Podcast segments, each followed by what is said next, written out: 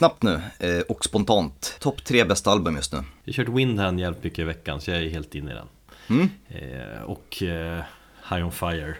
Såklart. Eh, mm, ja men det är de som har kommit nu. Sen eh, Svart konst har jag lyssnat på. Bra! Vad tycker Mm. du? Bra. Jag gillar dödsrocken i det hela mest. Mm. Eller jag gillar blandningen, den är bra.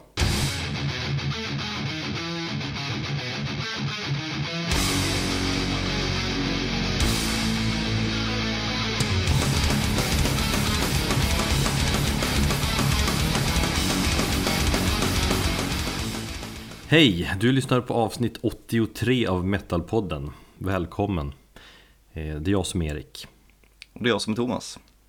Och jag har halsat i mig min Red Bull och så sitter jag och smuttar på en Imperial Stout eh, Hoppas jag att jag kommer igång ordentligt här för jag är egentligen astrött Hela den jävla veckan har varit intensiv som fan Noll tid till någonting förutom jobb och barn, du vet ju hur det är Ja, jo. Eh, vårt råd är ju som sagt, skaffa inte barn. Ja, vi kämpar på med den här podden fast det, vi ibland knappt hinner med. Fast nu ska man ju inte missförstå mig eller oss för att vi, vi älskar att göra det här men det är, ja, det är svinkul men fan Livspusslet är hårt. Ja, och om man kunde någonsin få göra den här podden i lugn och ro och kanske en normal tid istället för sent på kvällen. Kommer aldrig hända. Nej, just nu känns det som att jag inte hinner med ett jävla skit i mitt liv Men eh, så är det Men om ni gillar den här podden ändå, ni hör ju hur vi sliter och Ja, och ni kanske vill göra oss lite extra lyckliga sådär eh, Då kan ni stödja oss eh, På Patreon, patreon.com eh, slash metalpodden Bli medlem där, får belöningar tillbaka då Pins, eh, vad fan är de förresten? Och kommer de nya snart så vi kan skicka ut? Det, de är på väg. Världens snyggaste metalpodden-mugg, brukar jag säga. Och, Mm. eh, och så kan man vara med och bestämma ämne i, i ett avsnitt. Sådär. Eh, Sen är vi ju på gång att återinvestera lite pärning i nya saker. Absolut. Eh, tanken är att vi ska försöka få till någon form av merch här nu under hösten. Ja, det finns eh, saker vi vill göra men som sagt, för lite tid. Men eh, det kommer. Sen måste ju vi enas också. Ja, Vi behöver ju stänga ute allt, alla andra familj och sånt där. Och så får vi träffas och hålla varandra i handen. Titta varandra djupt i ögonen och diskutera det här helt enkelt.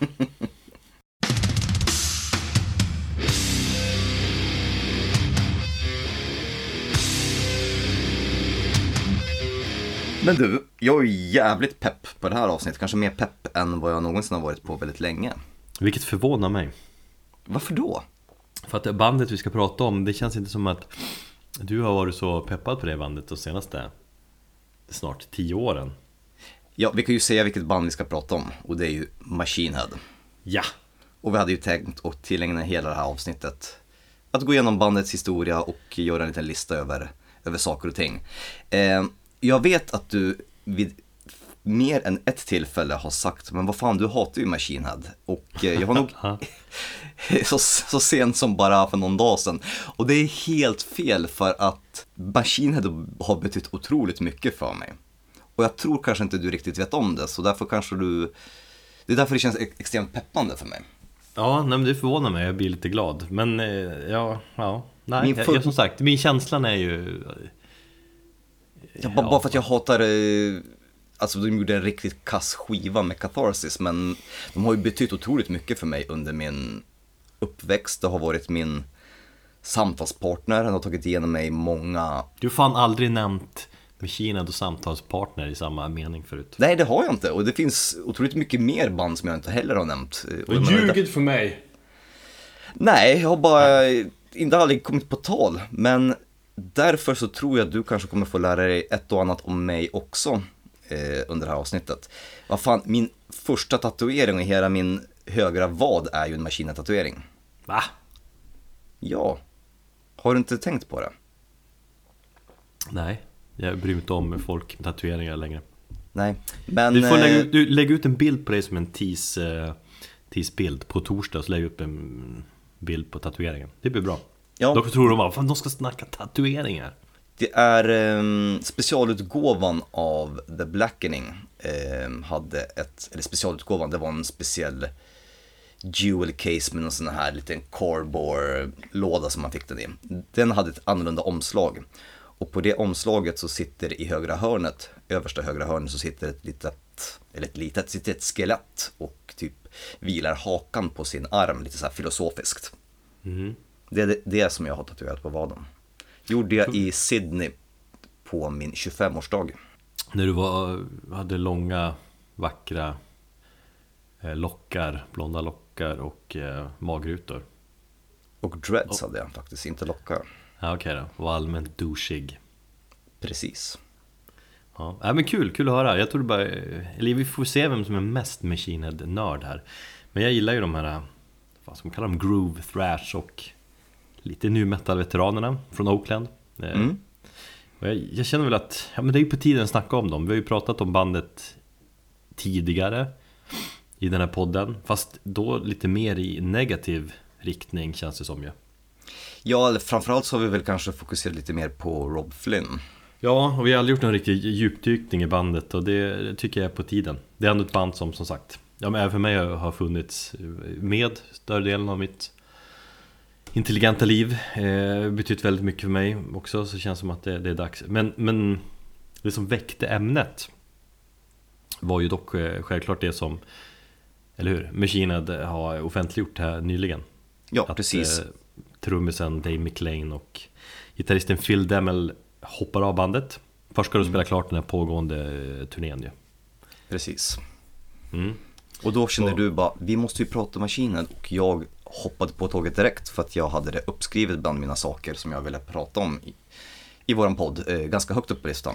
Jag kände såhär, fan jag, nu måste jag snacka lite Machine Head, men det kommer inte Thomas vilja göra, kände jag. Fan vad förvånad du blev. Mm, ja det jag. Nej men ska vi snacka lite om, om den händelsen? För Rob Flynn släppte ju en videoinspelning där i samband med det här där han berättade det hela. Han kändes ganska tagen ändå. Har du sett videon? Det har du. Det har jag gjort. Eh, det som slog mig, alltså det första som slog mig, det var ju den här självinsikten som han hade. Mm.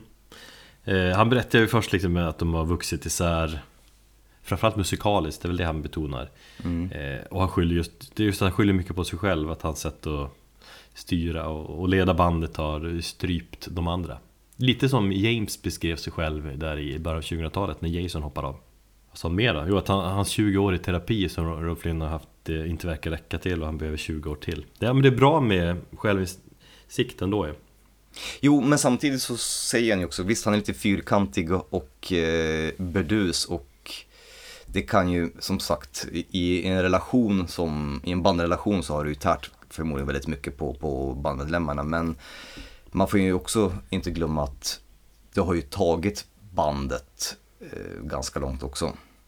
Ja, verkligen. För att jag har alltså fått den här känslan av att han alltid är den här personen som lagt ner kanske mest tanke i musiken och liksom levt för musiken men som andra, ja, inte kanske riktigt men de andra har vet, kommit in, gjort sina grejer när ett album ska spelas in. Han är den som stannar kvar sist i studion, det är han som sitter och, och finslipar på, detaljerna. Det är Liksom. Han som är producenten, han har ju varit Ja, och han är ju den här typiska bandledaren och då är det ju ganska svårt att, att vara kanske liksom diplomatiskt alla gånger också. Mm. Nej men han är, det är tydligt att han är bandets själ Det är inget snack om den saken Men jag blev lite ledsen när jag såg videon Man kände som att det var tungt Och sen jag, fan det är ändå snubbar som har De har ju varit med länge i bandet Phil Demmel har väl varit med typ i 15-16 år och Dave McLean har varit med i, i Ja, han hoppade på det där. i- 20, 22 år Mm. eh, och sådär. Men så det känns ju trist Men sa- samtidigt känns det väldigt logiskt eh, Ja. och, näst, och nästan väntat Och anledningen till det är två saker eh, Som jag har listat här eh, Det är dels att Ja men förra basisten Adam Hughes hoppade av för några år sedan Säkert Mm. många år sedan nu men Vad kan det vara? 5-6 år sedan eller något? Eh, 2012-2013 har jag för mig. Och det var ju han och eh, Rob som startade bandet en gång i tiden Det var ju ganska, eller det var väldigt infekterat när, när han hoppar av eh, Och där känner man att ja, det är två hårda viljor mot var- varandra men att Rob eh, driver bandet hårt och, eh, och så kände jag också att det här kan nog hända igen eh, Och där kände jag också när han hoppar av, eller han blev ju sparkad eh, Att en stor del av maskinet försvann Juice var ju ändå kung på många sätt. Jo. Dels det. Eh, och sen kände jag i samband med senaste, eh, ska man säga promoturnén för senaste Machine-plattan att, att det verkligen bara var Rob Flynn som, ja, men som märktes. Han drev det liksom hela hårt, och liksom, men, men de andra syntes inte till överhuvudtaget. Vilket känns märkligt, men där förstod man nästan att, att någonting var fel. Att det var, det var tydligt att det mer än någonsin är eh, Rob Flynns eh, band. Om man eh, går tillbaka lite i tiden så vet jag att det fanns en tweet som Phil Demmel hade lagt upp på, på Twitter. Där han skrev, eh, som han sedan raderade ganska så snabbt, att han var inte tillåten att göra press. Mm. Så där har vi ju kanske lite grann också det här som just den självinsikten som, som Robert Flynn har, eh, har liksom fått, att han har kanske insett att han har hållit lite väl hårda tyglar och strypt sina bandmedlemmar för att det verkar inte som att, eller som att han skulle göra all, allting som har med just promo-grejer. Det låter ju framförallt jävligt jobbigt. Men när han åker, när han var liksom i Europa och han var ju i Stockholm också och härjade runt och gjorde intervjuer, då bara vad fan, vart är de andra då? Vill man vara cynisk så finns det de som menar att det här var ju också en anledning för honom att då kunde ju han hävda att han tagit, gjort mer för eh, bandet och då så kan häva in mer pengar. Eh, för det lustiga är att 2008 så intervjuade jag Machine Head och då intervjuade jag faktiskt Phil Demmel. Så att han har ju gjort intervjuer. Mm. Men det var de senaste åren, jag tror jag, just efter Adam Hughes som det blev ännu liksom tydligare. Eh, hur var det att intervjua Phil? Eh, jag minns det som jävligt avslappnat. Det var så här, det blev en kort grej, för jag hade två intervjuer den, eh, den kvällen. Det var Slipknot gjorde en stor spelning på, uh, i Globen. Eh, och de hade, det var ett helt paket, så det, jag tror var Slipknot, det var Machine Head, det var Trivium och något till band. Eh, så att jag gjorde så här små intervjuer med alla förbanden och sen gjorde jag en stor intervju med clownen i, i Slipknot. Eh, så att jag fick bara 15 minuter med Phil Demmer, så vi körde bara så här snabb Q&A men han var skitsoft. Någonting annat utseendemässigt, luktar han någonting eller så? Mm, nej, det kan jag faktiskt inte minnas, det var ändå tio år sedan. Mm. Men jag, jag, jag, har faktiskt den bilden någonstans så jag ska faktiskt ta och... och eh, den kan du lägga upp som en teasebild. Det kan jag absolut göra. Nej men det jag menar är liksom att det finns ju många, om man, om man nu ska gå tillbaka lite grann så har ju Machine Head fram till egentligen Adam Hughes eh, bortfall har de ju haft ett företag där de har delat 25% på allting. Så det har varit väldigt diplomatiskt inom bandet. Men när Adam Jussen fick sparken så hävdade han också att eh, ja, Rob Flynn tog åt sig äran för lite väl många saker bara för att kunna eh, håva in lite mer pengar. Och sa att han har liksom stoppat undan mer pengar och tagit större andel av kakan än vad som egentligen är avtalat eh, sinsemellan bandet. Mm. Det är som sagt, det där vet man inte. Det jag, menar, jag tror säkert att eh, Adam Hughes i det här fallet också är jävligt eh, bitter för att ha fått sparken från ett band. Um, ja, vi kommer och, väl diskutera just den händelsen lite, lite mer. Ja. Uh. Men alltså en, en, annan sak som jag tänkte på som också gör att det här inte känns så jäkla oväntat. Det är ju Catharsis, eh, skivan, som kändes otroligt trött. Och inte mm. bara för mig personligen och för många fans, utan det känns som att bandmedlemmarna, även de, var så totalt oinspirerade. Kolla på videon till den här låten, eh, jag vet inte om det är Kaleidoscope eller vad den heter, där med vitklädda. Mm. Alltså, och titta på Dave McLean. Han, han ser ju så uttråkad ut i den videon. Ja, jag vet, och de jag andra känns... samma sak. De, de andra bara, jag måste göra det här men det här är inte så jävla kul just nu. Nej, precis. Och så bara, åh, måste stå på mig vita kläder liksom. Åh. Ja. Och så står liksom Rob Flynn där och, och det är han som syns och hörs mest. Nej, det, sagt, det känns ju lite logiskt. Men om vi ska om vi ska tänka framåt här nu. Vi har skrivit så här, framtiden. Vad tror vi om framtiden? Är bandet kört? Vad säger du? Ja. Ja, ja, ja jag tror det är slutet och det här har nog varit slutet ett tag. Men hur menar du? du? Då menar du att Rob kommer, han kommer att tänka igenom det här ett tag så kommer han välja att meddela att bandet läggs ner och han kommer inte värva nytt folk. Det skulle inte förvåna mig om han eh, skulle starta upp någon reinkarnation och ta in helt nya medlemmar och fortsätta köra som Machine Head. Men det jag menar när jag säger att bandet är slut är att även om han fortsätter att köra så är Machine Head som band är ju, det är bara ett downfall.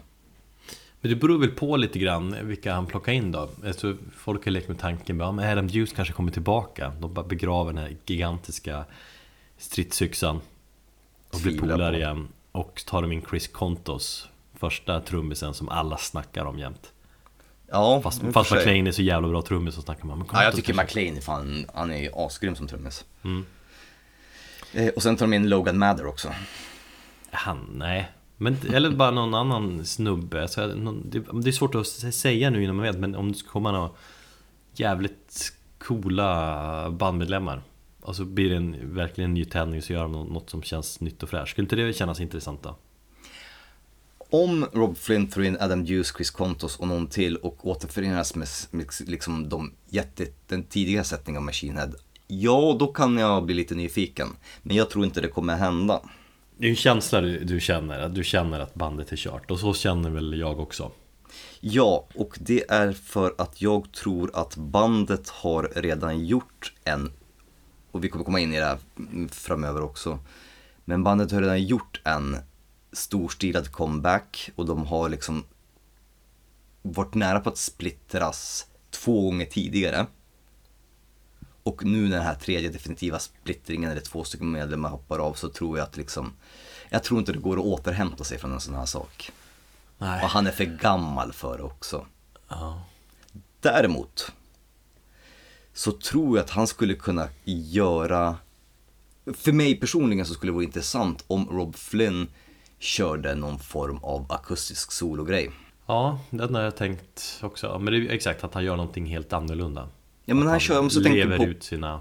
ja, kör sina ballader eller någonting eller kör sin liksom A Night with Machine Head att han gör det liksom akustiskt och bara sig, med sig själv och ja, vad vet jag, kanske kör någon form av eh, spoken word-grejer eller någonting sånt. Då tror jag att han skulle kunna i alla fall hålla sig, ja, aktuell i alla fall.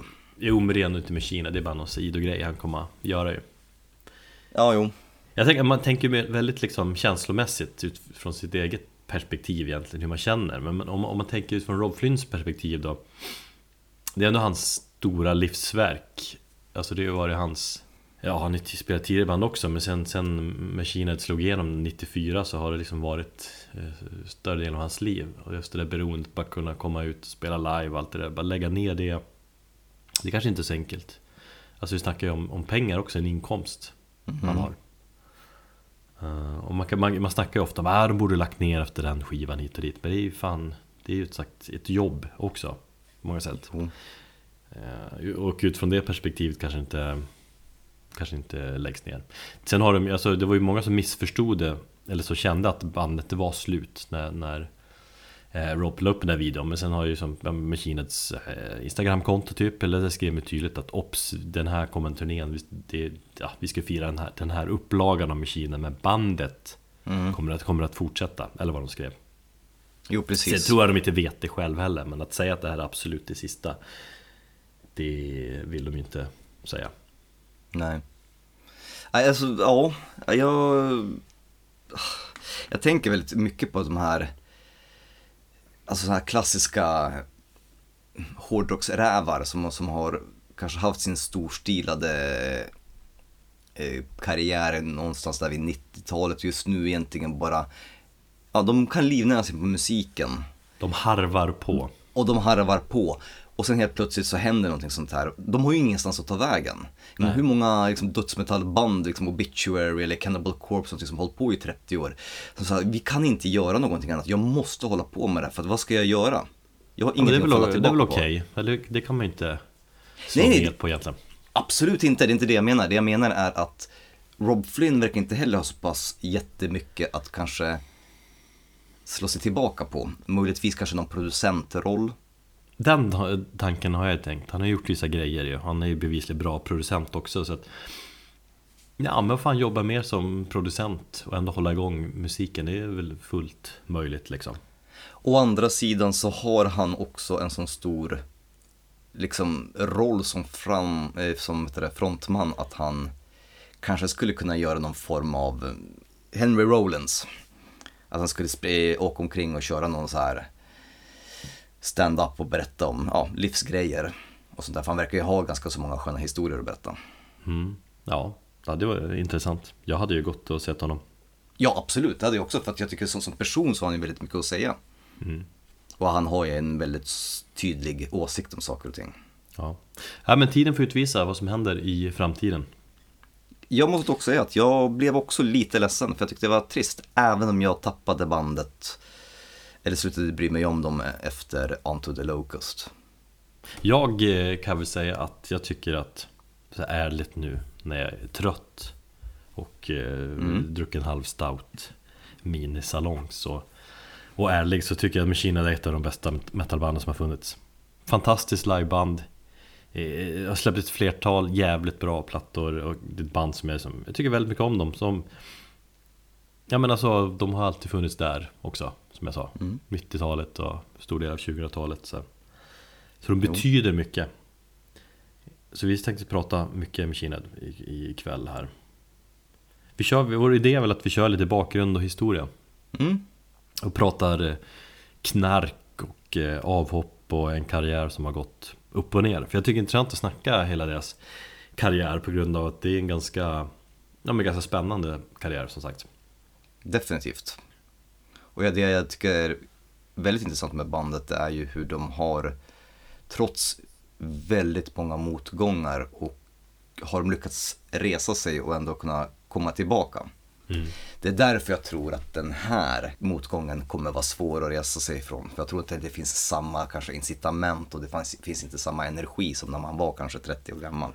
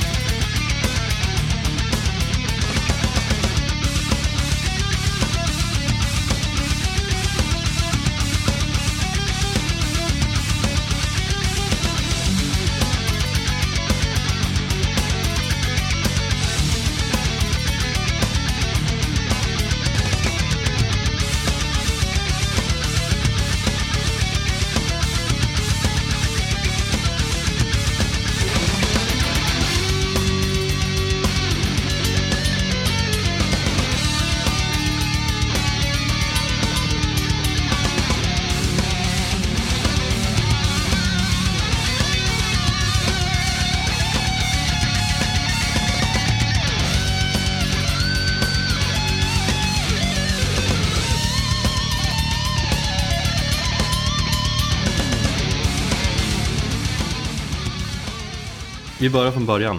Eh, lite bakgrund, de bildades ju 91 Släppte debuten Burn My Eyes 94 och blev ju pionjärer, eller man ska säga.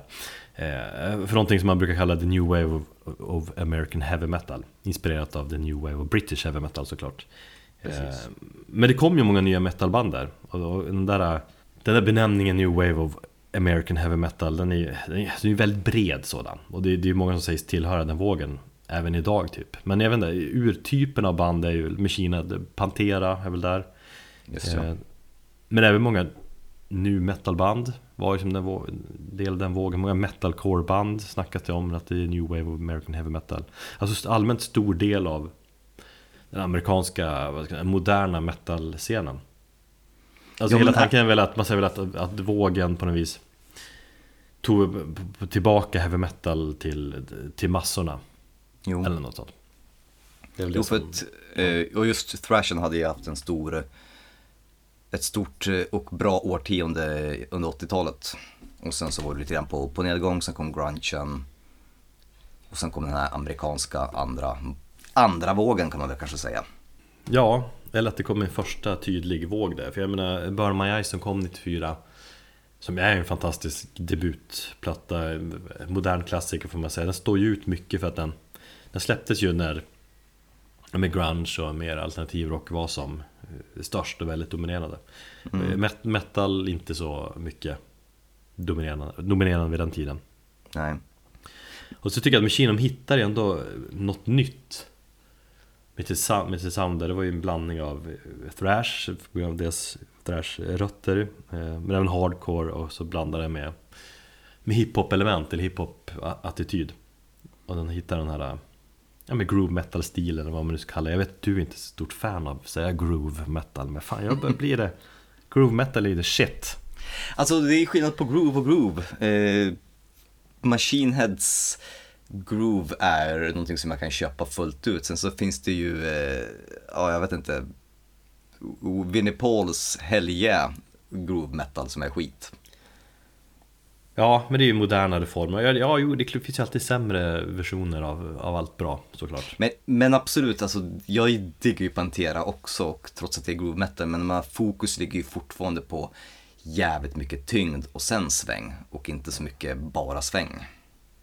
Ja, Det är ju den, det är ju den distinktionen som jag gör. Jo, nej men det håller jag väl med om. Sen tycker jag att Burn My Eyes, den låter väl som en jävligt cool och grym blandning mellan just Pantera och eh, Biohazard skulle jag säga. Biohazard tycker jag var ascoola vid den här tiden också. Och man ja, hör, just ja. ja. Det minns jag att du har sagt. man hör tydligen in- in- influenser när man lyssnar på Biohazard. Jag kan dock inte höra så jättemycket hiphop-influenser i de tidigare skivorna. Sen så kom det ju kanske lite grann under just deras nu metal-period. Men jag vet att det var ju väldigt mycket i och för sig, han körde ju väldigt mycket så här, vet, basketlinnen och, och bandana och såg kanske inte ut som en typiskt hårdrockare när Han Burn My Eyes kom. rå jävla hård ut där Ja. kring My Eyes-tiden. Så att väl, ja, ja, men jag håller med. Men alltså viss... Jag vill mer attityden typ. Ja. Men har du hört storyn om hur, eller kan du den hur Machine Head bildades? ja, de bildas ju ur askan av violence.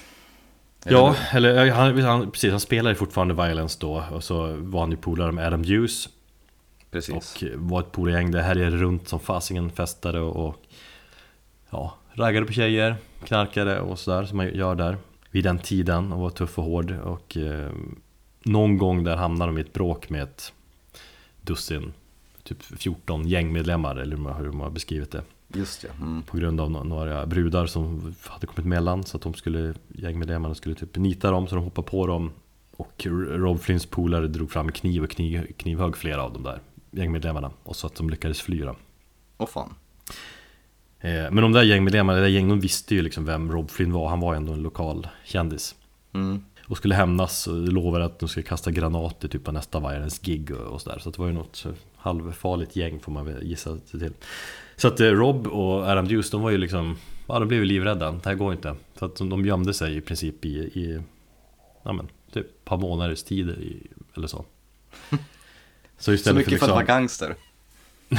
Ja men de tänkte, det ja men det var framförallt så Vägrar ju Rob Flynn dyka upp och, eller vägrar ju spela med Violence Jag undrar hur mycket av hans gangsterår egentligen präglades av att ha för stor käft och men inte kunna stå upp för det. Jag kan verkligen se, kanske se mig lite grann så här, om jag var dro- drug dealer och sådär, men så fort det blev liksom ett bråk då kutade de därifrån. Jag vet inte, alltså jag, jag kommer ihåg jag läste en, en Kerrang-intervju för 20 år sedan eller sådär m- mellan Rob Flynn och Burton C. Bell i Fear Factory. Och så fick de frågan då liksom vem som var bäst på det bla bla bla Så vem skulle vinna i en fight och Burton C. Bell bara så jag har ingen chans mot Rob Flynn Han är ju livsfarlig och är liksom gammal gängmedlem och han, han, är, ju, han är ju riktig Mm. Han var riktigt farlig snubbe sådär. Eller var det då? Då tänkte jag wow, Rob Flynn är ju fan hård jävel. Men hur som helst, Rob och Adam de gömde sig. Eh, så istället för att eh, spela upp och eh, spela på Violence Gig så skrev de massa musik istället. Eh, så tog de in gitarristen Logan Mader som jag tror är gammal polare till Adam Hughes. Och, och sen trummis, första trummisen som jag inte kan namnet på. Just det, trummisen innan Chris Contos. Ja, precis. Tony, någonting. Ja, jag, jag har inte heller någon, någon namn på honom. Ja, nej men då, då passade på att spela in en Machina-demo då En demo som de, de betalade ju med hjälp av pengar som De hade tjänat på eh, att sälja droger, eller Adam Hughes som, som langare droger heltid på den tiden 800 dollar kostade den demon. Det var fan inte så mycket. Nej, men Det måste man ju känna 90, ihop. 92 kanske var lite mer än, lite svårare att få ihop de pengarna. Ja, Speciellt om man är en gangster. och gömmer sig från an- andra, andra gangs. Så det är lite kul. Och det är klart att Violence, de andra medlemmarna blir jävligt pissed då. Men då känner väl Rob att det nu, då har jag, jag har någonting nytt och speciellt där och, och äkta. Så att Plus att jag är frontman här nu. Så att det, nu kör jag på Machine Head. Ja, för han var gitarrist bara i Violence, eller hur? Ja. Mm. Men sen blev de ju nästan över en natt Får man säga st- stora just med Bar My Eyes och fick hänga på Slayer på turné direkt i Europa och så sen nästa turné så headlinade de själva så gick väldigt snabbt Det var liksom instant success Mm. på något vis Eh, Och eh, något som jag inte visste om, men eh, eh, till skillnad från vad många tror så har de inte, eller de har, visst namnet kommer ju från eh, Deep Purples skiva Machine Head. Men eh, han tog ju det mest för att han tyckte det var coolt och inte för att de hade någon, som, någon form av anknytning till Deep Purple, Ja, så var det väl har jag fått lära mig. mm. Exakt, är många gånger man har googlat Machine typ och så har man Och fått upp den där jävla Deep Purple-plattan Ja, det är väl så jag lärde mig om Deep Purple. Ja men det är bra Återkoppla lite till Violence då, vad tycker du om dem? Har du koll på det bandet? Nej det har jag inte, men jag hade faktiskt, eh, av en ren slump så lyssnade jag faktiskt på, på eh, Violence, är det debutplattan Eternal Nightmare? Mm. De låter ju, alltså det jag kan tycka är att Violence, bra band och absolut den plattan tycker jag är ganska, är ganska schysst. Men de är ju, alltså man märker att Machinet var ju någonting som så var, blev så otroligt mycket tyngre. Ja, alltså Violence det är ju som renodlad Bay Area thrash Ja, ja precis. Och en senare, en andra eller tredje våg av den stilen egentligen Jo, eh, Väldigt inspirerat av ja, Metallica och de där fyra stora inom, inom genren så. Men det, det är jävligt bra instrumentalt, jag har ju alltid haft lite svårt för sången på Violence ja, samma här. Den är lite, Den är lite, lite för gäll. Ja, lite, lite töntig fast ändå lite halvcool men man vill ha något liksom ja, men råare Speciellt om man jämför med, med den tidens största band så blir det ju liksom Nej, inte lika fräckt. Mm. Men det är det man också tänker när man lyssnar på att det är verkligen, verkligen, verkligen Old school thrash och liksom Och det är det som är Rob Flynns eh, och Phil Demons bakgrund liksom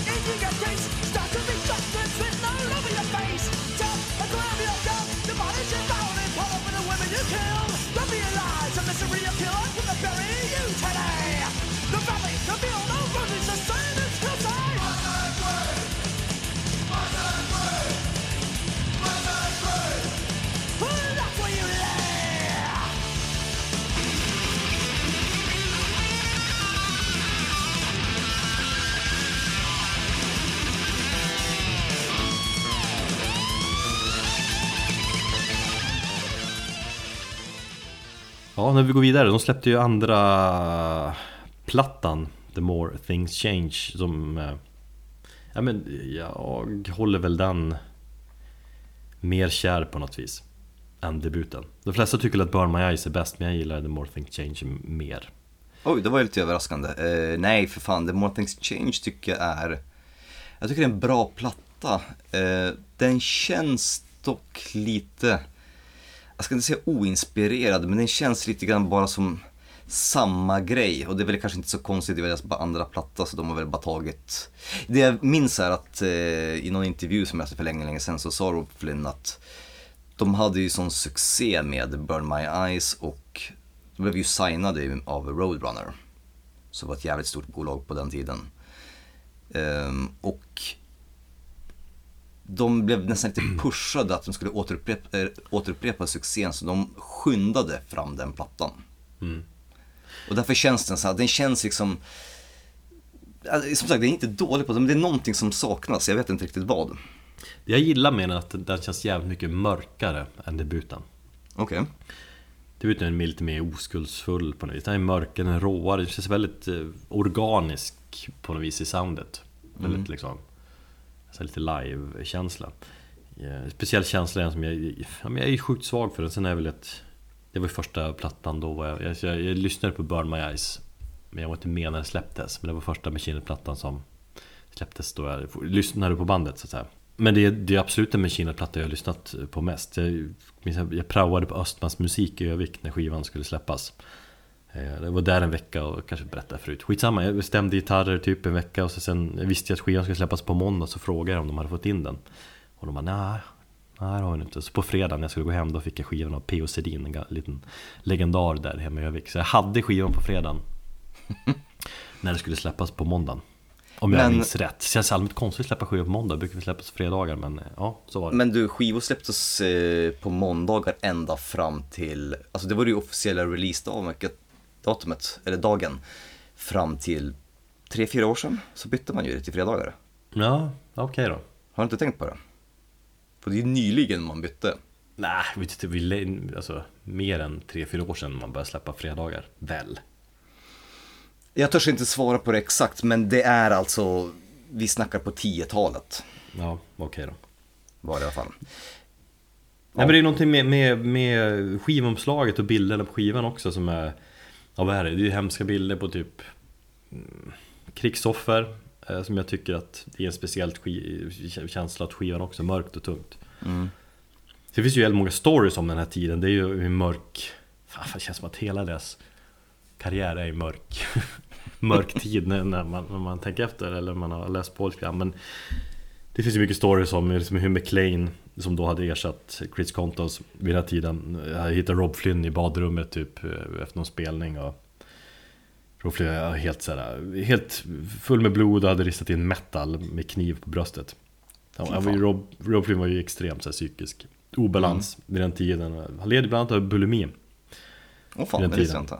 Stoppade i som hans käk och så sen eh, ja, spydde han efter varje måltid. Så han var ju Ja. i obalans Ja, jag vet att Logan Mather, eh, han snedtrippade ju på meth. Ja, han spårade ur fullständigt också Ja, och typ söp sig på dagen sådär. Han gick metamfetamin och spelade fel låtar live och liksom eh, Karriären, Machine-karriären slutade väl med att han dök upp Någon gång på ett rep när han, när han varit borta länge så bad alla dra åt helvete och så försvann han Men, och, och det gjorde ju att Rob Flynn mådde ännu sämre för jag menar fan de hade ju världens hårdaste band och så bara Hade de en gitarrist som bara Spårade ur fullständigt ner i knarkträsket Mm. Sen körde jag skivan extremt mycket under mina tonår där. Jag, jag har ju tydliga minnen av att jag, du vet, tonårsrevolt, tappade humöret hemma. Smällde igen dörren till mitt rum och, och slog på inledningsspåret Tenton Hammer. Och blev lite lugnare. Kan du tappa humöret? Ja men satan, eh, det känner jag ju framförallt nu för tiden med lite sömn och så här. Eh, jo, men det kan jag göra. Nej men jag vet inte, ja, men jag har ju tydliga minnen att den var en stor del i skivan. Under de åren när man var där, vad fan gammal var Ja men typ 15. Det är den skivan som jag har nog minst personlig koppling till och har nog minst bra koll på. Ja, det är jävligt intressant, för det är den som jag har mest koppling till. Mm. Eh, Men jag tycker vi, vi lyssnar på Tenton Hammer och tänk att jag då sprang in i mitt rum, smällde igen dörren, farsan blev skitförbannad när jag smällde igen dörren. Så Eh. skriker du, dra åt helvete farsan. Ja, där. Nej, så sa jag väl kanske inte, men ja, kanske. Eh, och så just den här höga tonen där på versen, den är som skär i örat. Men är så skön att höra. Och då blev jag liksom lugn. Det var mitt sätt att coola ner, lyssna på aggressiv musik och framförallt Ten Ton Hammer. Sjukt bra låtnamn också.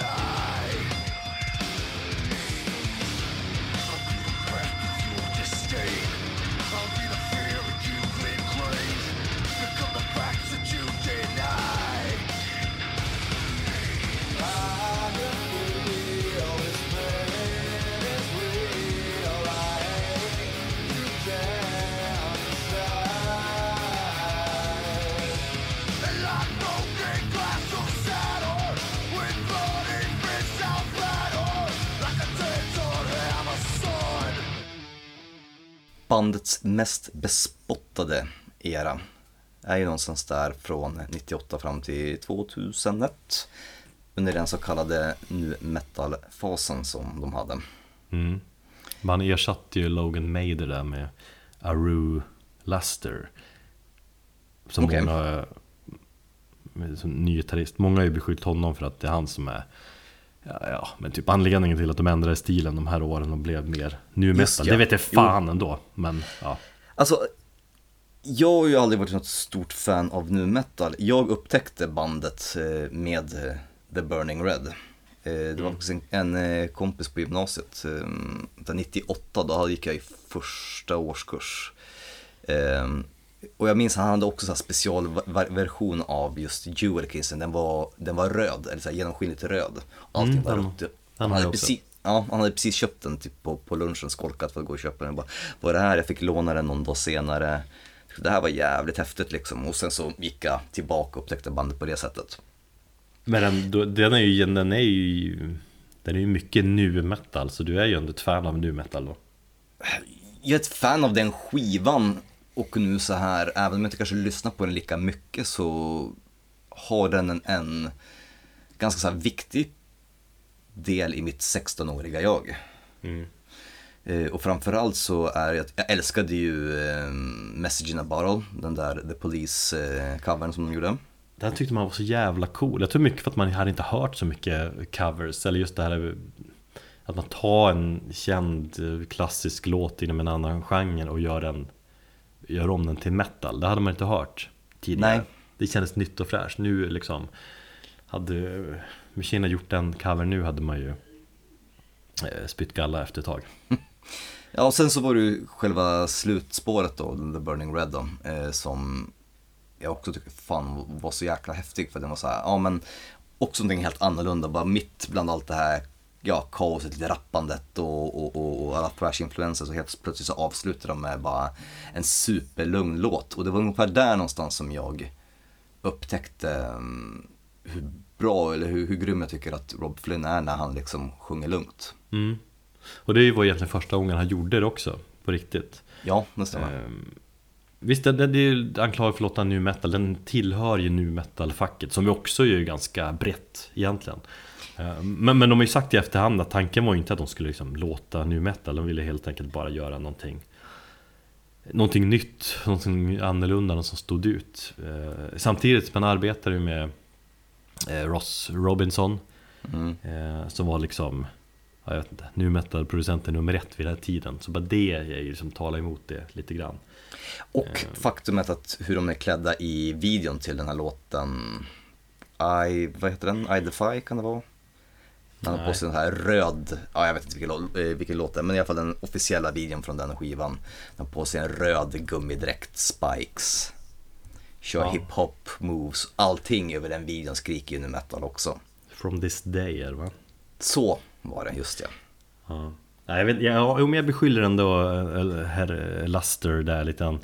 Eh, alltså, Eller fan, Rob har ju alltid varit den som styrt bandet mest. Men visst, Aru kanske påverkade Ja, men- stilen en del. Jag, jag, jag har aldrig gillat honom. Just stilen, utseendet, han kändes så jävla tidstypisk nu metal look så det finns ju inte. Har inte Dave McClain typ leopardfärgat hår också? Ah, i och för sig då alla gick in i all in på stilen så att eh, jag snackar väl Så jävla, jag säger den, den perioden är ju en skamfläck. Nej, alltså ja, alltså utseendemässigt, men fan det är ju fler som eh, får skämmas över den tiden. Jag vet inte, vi snackade ju om den skivan lite grann under vårt nu metal avsnitt. Jo, Avsnitt någonting. Eh, som man kan lyssna på om man vill lyssna på nu metal när vi, och när vi pratar om det. Eh, nej, men då, jag pratar väldigt mycket om, jag gillar ju Burning Red mycket. Framförallt tycker jag att texterna står ut extremt mycket på den skivan. Du har ju liksom ett titelspår som handlar om självmord och du har The Blood, Sweat and Tears som handlar just om hans eh, bulimi. Och så Okej, låter mm. Five då som berör när eh, När Rob Flynn blev antastad av en granne när han var fem år Som han har liksom Typ svaga minnesblickar från men, men som har påverkat honom djupt det visste jag Ja. inte. Och i så den här låten så hör man ju liksom tydligt hur han ja, skrikgråter i slutet Ja. Eh, och när man vet om det så det är mycket känslor inblandat som kanske inte kom ut på samma sätt på de två tidigare skivorna. Jag tycker det finns, det finns två stycken med, eh, grejer med den skivan som jag, full för också. Och det var ju dels, nu när jag lyssnar på den lite grann så här nyligen, så det finns här lite atmosfäriska partier som jag tycker är jävligt schyssta. Mm. Som inte känns sådär speciellt nu metal heller. Eh, och sen så eh, Rob Flynns grymtningar. Det här Tommy G. Warrior Celtic Frost-grejen som han har snott. Som jag upptäckte på den här skivan och som han sen körde vidare med på väldigt mycket på Supercharger också. Lite för mycket där ju, på andra sidan. Men ja. Ja, fan jag, jag diggar det. Jag tycker det är brutalt jävla coolt tyckte jag. När, när han var 16-17 så, så var det det bästa att höra liksom när han bara Mm. Ja, jo. Men, eh, kan jag väl hålla med om, i och för sig. Jo. Men sen är ju, hiphop-influensen är ju tydligare än någonsin under den här eran. Det är inget, det är inget snack om det. Det är liksom halvrap här och där. mm. Men jag vill ändå försvara det. Alltså det finns ju många som påstår att ja, hiphop-elementen har inget med Machined att göra. Eller att de inte vill ha de elementen i, i Machined. Men det är där man, tycker jag, är lite ute och cyklar. För att hiphop är ett viktigt liksom, och stort element i, i Machined. har alltid varit. Från början också egentligen. Så är mycket attityden och så men Men om du Även i soundet också, så, och Rob har ju alltid lyssnat Han har alltid inspirerats av hiphop sen han var ung och det, har ju, det fanns ju en B-sida från The More Thing Change som också var ja, Där de gör en cover på eh, en Ice-T-låt som heter Colors som, jag, som är fan ganska rå egentligen Eller Okej. rå, men ja, nej, men just det här att eh, han har varit en förespråkare för hiphop, det, det har ju varit ganska tydligt, speciellt om man läste när han gjorde, körde de här The Generals Journal eller vad det hette, när han körde internetdagboken mm. ett tag. Då, då brukar ni ju alltid vid årsslutet också köra en så här, som en musiknörd som man var, brukar ni lite summera eh, ja, musik och göra sin egen årsbästa lista. Då var det väldigt ofta hiphop på den listan vill jag minnas.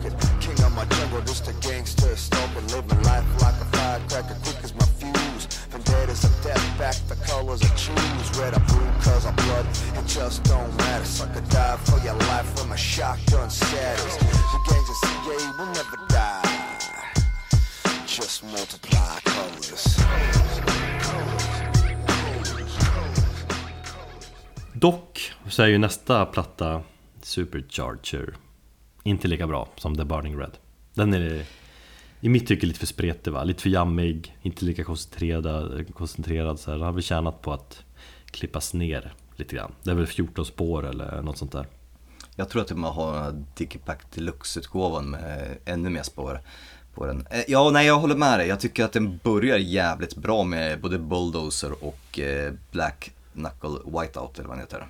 Ja, Bulldozer är stenhård eh, live också Ja.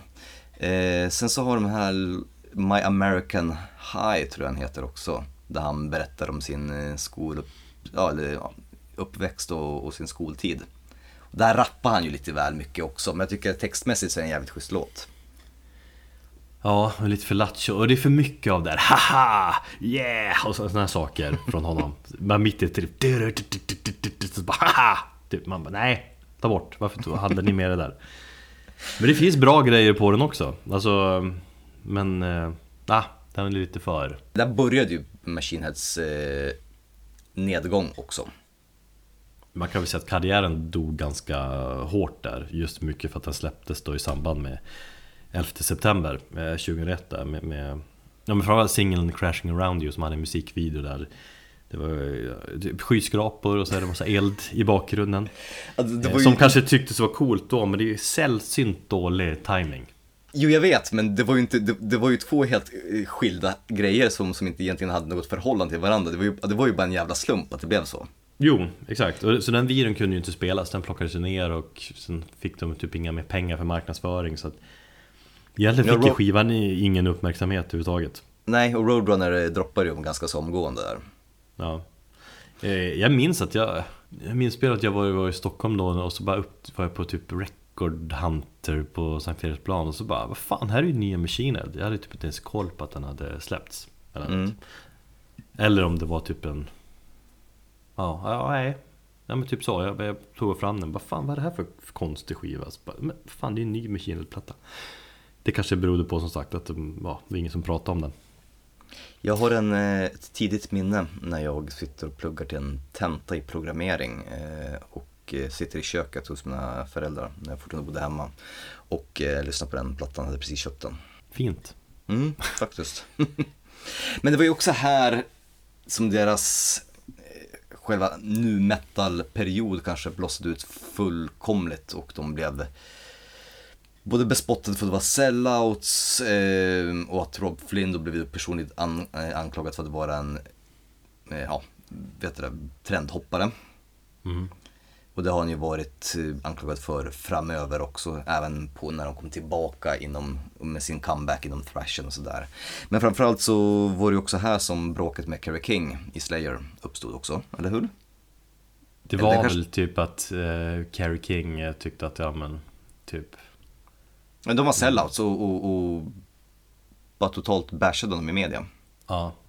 Och så har de snackat skit om varandra, typ via Blabbermouth och där i ganska många år. Precis, och så, vet man inte exakt hur mycket media vinklade också, men det var ju ett eh, med, mediakrig där de båda bashade varandra i artiklar och intervjuer och så. Men gjorde inte Rob Flynn upp med det där i hans eh, dagbok? Att han skrev någonting om att ja men vi var på samma spelning och så snack- snackade jag med Slayer-killarna och Kerry King höll sig i bakgrunden och käkade en jävla macka eller något sånt där. Så gick jag fram till honom och så snackade vi sen bara vad fan håller du på med? Typ. Ge oss. Man Ja, får ju jag- känslan av att man bara fan de hatar varandra. Bara, Ja, ja jag, jag, jag tror inte det var riktigt så heller, utan det är som sagt saker tas ur sin kontext i, i, i intervjuer och sånt där. Och jag vet att, eller jag läste faktiskt så sent som idag just den här eh, artikeln där Rob Flynn säger att han inte riktigt fattade varför de gjorde det. För dels så var ju Kerry King hans stora idol, de hade ju liksom posters på, i replokalen på Slayer. Så han bara, vad fan, jag trodde att vi var vänner liksom, sa säger han så men att han inte försökte att bemöta det i, i, i media förrän Kerry King började gå ut och säga att han, han ser ut som en bög och han sjunger som en bög och det börjar bli personligt. Då känner jag att nu måste han be- bemöta det. Mm. Och sen exakt vad, vad som hände däremellan dem och så, och vad som är sant och inte, det vet man inte. Men de är väl polare idag kan jag tänka mig. Ja, kanske. Nej, vem bryr sig egentligen? Men eh, det är väl lite, alltså, det är kanske ett smart sätt att liksom, hålla igång intresset också. Fan, nu bråkar de igen. Och så, ja just det. nu Kanske var medvetet mellan dem. Ja, ja men ibland brukar jag tänka så. Ja, exakt. Som att Dave Mustaine och Metallica. Precis. Det, också, känns också mycket bullshit det där liksom. Ja. Det vink- Det vinklas. Men som sagt, det var en hård tid den här, vid den här skivan. Efter den här efterföljande turnén där så hoppade ju eh, Arrow Luster av. Alltså, eller man fick kicken, eller fan det var. Men det var väl liksom det klassiska meningsskiljaktigheter inom den, den musikaliska inriktningen. Jo.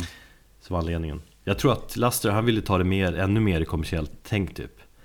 Fast det var, fan det var skönt att han försvann. Verkligen. Aldrig, aldrig gillat den snubben. Så. Eh, ska vi ta och lyssna på ett exempel på hur det lät under den här tiden då, då med, med en live-favorit.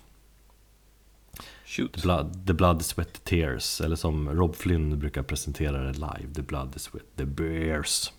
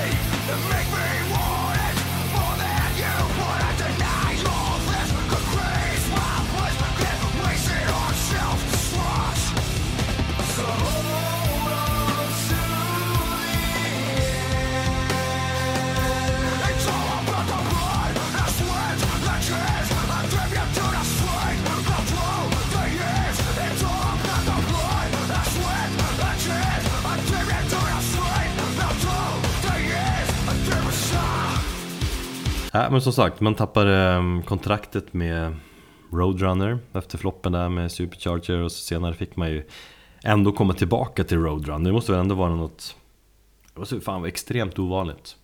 Eller hur ofta sker det liksom? Alltså just på den här tiden så var ju Roadrunner ett så jävla stort eh, skivbolag. De hade ju, fan, vad var det? Det var 2005 som Opeth släppte eh, Ghost Rivers på Roadrunner. De hade ju Slipknot och allting så de var ju jävligt stora. Och jag sa, de senaste tio åren har jag knappt hört talas om Roadrunner eller liksom hör, hört dem nämnas. Men de existerar fortfarande som bolag. Jag tror Ja. inte har lika många stora artister. Jag vet inte fan om Nickelback fortfarande ligger kvar på dem. Kanske ändras lite inriktning eller försöker vara lite mer underground eller sånt där. Ja, eller så att de var ju extremt stora som du säger. Där. Det var Mm. liksom, man man ville ligga på Roadrunner, det visste man. Jag har ju den här, vad- om det var 20 eller 25 års jubileumet eh, Roadrunner United. Minns du den? Ja, den är ju, var ju svinbra. Det var ju Rob Flynn, det var Matt Heafy i Trivium. Det är också ett band som låg på, på Roadrunner. Så var det väl Corey Taylor och sen så var det väl kanske någon av Calavera-bröderna som... Nej, det var Vad? väl Dino från Fair Factory? Ja, så var det. Jo, så var det. Som var lagkaptener och så hade de olika konstellationer där de lät olika bandmedlemmar spela Ja, så spelade de in en, en skiva med, med olika liksom, musiker. Då fick vi skriva typ fyra låtar var, så fyra gånger fyra. Där Så ja. Det var ju King Diamond är ju med, det var ju Mi- Mikael Åkerfeldt var ju med där också. Mm. Alltså artister som har varit eller låg eller varit på, på Roadrunner genom, genom åren. Och där visade ju Rob Flynn tydligt, tydligt vilken bra låtskrivare han var liksom. Det är faktiskt en jävligt bra skiva måste jag säga och det tilltaget var ju jävligt eh, innovativt då. Mm. För det var en jävla massa bolag som gjorde samma sak efter det. Nuclear Blast vet jag efterapade fullt ut. Machine Head hade inget eh, skivbolag efter Supercharger. De var ju bara en trio också, helt uträknade får man ju säga att de var också. Och så hade de, de skrev typ någon så här eh, fyra låtars demo eller något. Som de skickade runt. Men det var ingen som eh, nappade. Så man kan ju säga att de var ganska vilse. Vid den Och tiden. där var de ju på väg att lägga ner bandet första gången. Ja men det var allmänt kä- kämpigt. Där såg de att ja men fan vi, okej, vi har haft några år, bra år här men nu är det ingen som, det ingen som bryr sig längre. Nej. Och vad ska vi göra liksom? Och vi inte sett fullt band. Sen hade väl Phil Demmel hoppat in och spelat något live-gig med dem. Mm. Och de tyckte att, men fan kom och joina då. Men han var nej, jag håller på med annat. Eh, men till slut då så, ja, så, så nappade han väl. Och då skedde ju någonting. Då hittade de liksom en kemi där igen och så skrev de klart en platta som de hade jobbat med. Mm.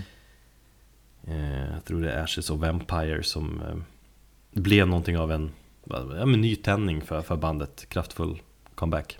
Och en så jävla bra comeback också tyckte jag. Fan vad jag älskar den skivan.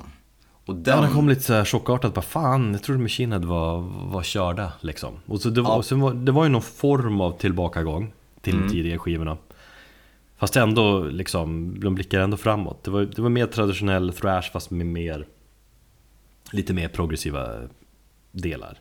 precis. Eh, och nu metal grejen efter finns där på skivan Tycker jag ändå jag lyssnar igenom Fast det är betydligt mer liksom Tillbaka hållet Vart hör du den? För den hör inte jag någonstans. Nej men jag, jag kan tycka det i, i groovet och sånt där alltså, Och längden på så här. Man, man anar det i, i känslan av och så här, Och sångstilen Mm.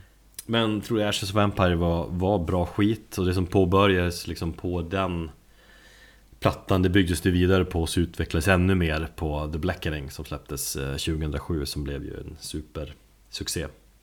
Innan vi går in på, på The Blackening så vill jag ju säga att eh, Imperium, första låten på eh, Through the Ash of Empires och som inleder hela skivan, helvete vad den är bra.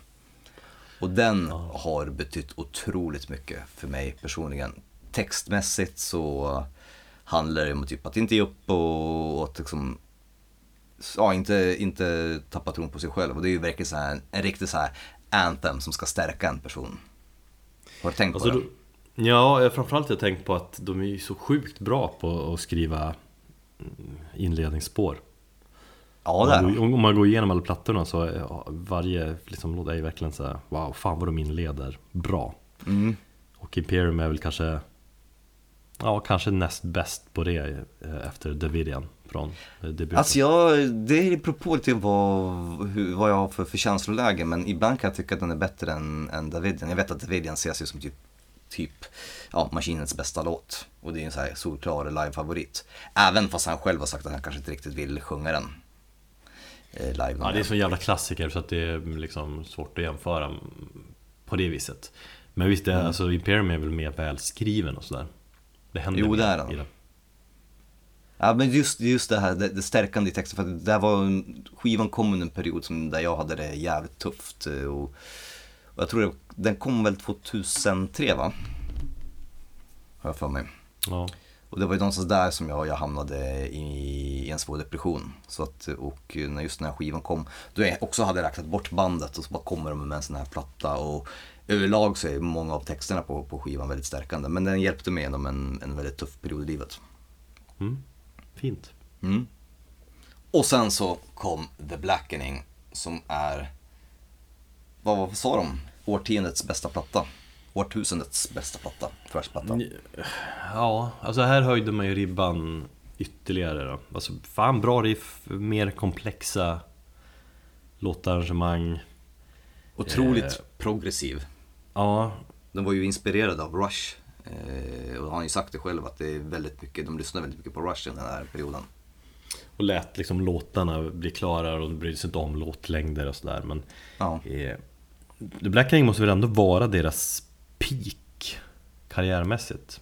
Definitivt. Men det blev en sån jäkla succé, sålde bra, liksom allmänt jävla hyllad.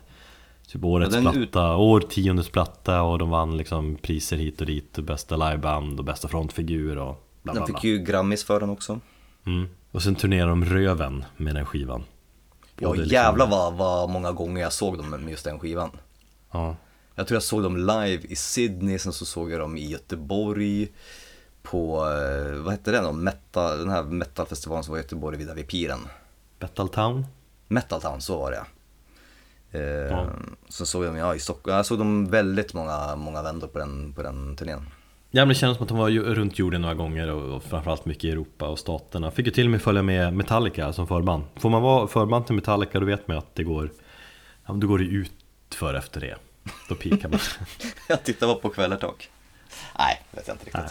Nej men det var väl det 2009 liksom eh, Men framförallt eh, tycker jag att det är jävligt coolt att man kan slä, släppa en sån se, Ja men det är ju typ 13 år in i karriären. Eh, Lyckas släppa en så framgångsrik platta så pass sent i en karriär. Alltså när man är, som de var i 40-årsåldern typ. Det tycker jag är det coolaste, för det är liksom Du vet min teori om det här, varje band har 10 år sen är de ointressanta egentligen. De Jo. lyckades ändå göra någonting nytt och det har jag nästan mest respekt för liksom. För hela bandets karriär, just Blackening-plattan ja, I och för sig tycker jag nästan, tror jag Ashes of Empire Tyckte nästan den betyder me- mer för mig än The Blackening Alla bara Alltså- djävulhyllade The Blackening så extremt mycket så att jag kände ja den är bra men vad fan Det är för lite hiphop Alltså, Through the Ashes Vampires, det är två grejer som gör att den, alltså på något sätt är stark. Det är dels att det var en comeback där många inte, eller många hade räknat ut bandet. Och dels då att den för mig då betydde väldigt mycket. Med The Blackening så, Blackening känns bara som ett stort jävla fuck you till allt och alla. Bara här gör vi verkligen precis vad vi vill. Nu tänker vi inte följa några regler överhuvudtaget. Inte ens följa hårdrockarnas regler. Mm, ja, alltså, ja, jag vet inte om jag skulle beskriva det så. Men visst absolut att de gjorde vad de kände för. Men de hade ju ändå tydligt, de snackade om att det här är vårt, som Rob Flynn, det här, är- det här är vår Master of Puppets och sådär. Mm. Fast de. För här Ja. blev jag, minns jag också att eh, Rob Flynn blev anklagad för att vara en trendhoppare. För att först att, att han konstant bara hoppar på vad trenderna säger. Först så lämnade han thrashen för att hoppa på nu metal, nu metal var populärt. Sen så kom ju den här nya vågen av thrash metal band där i, efter nu metal då.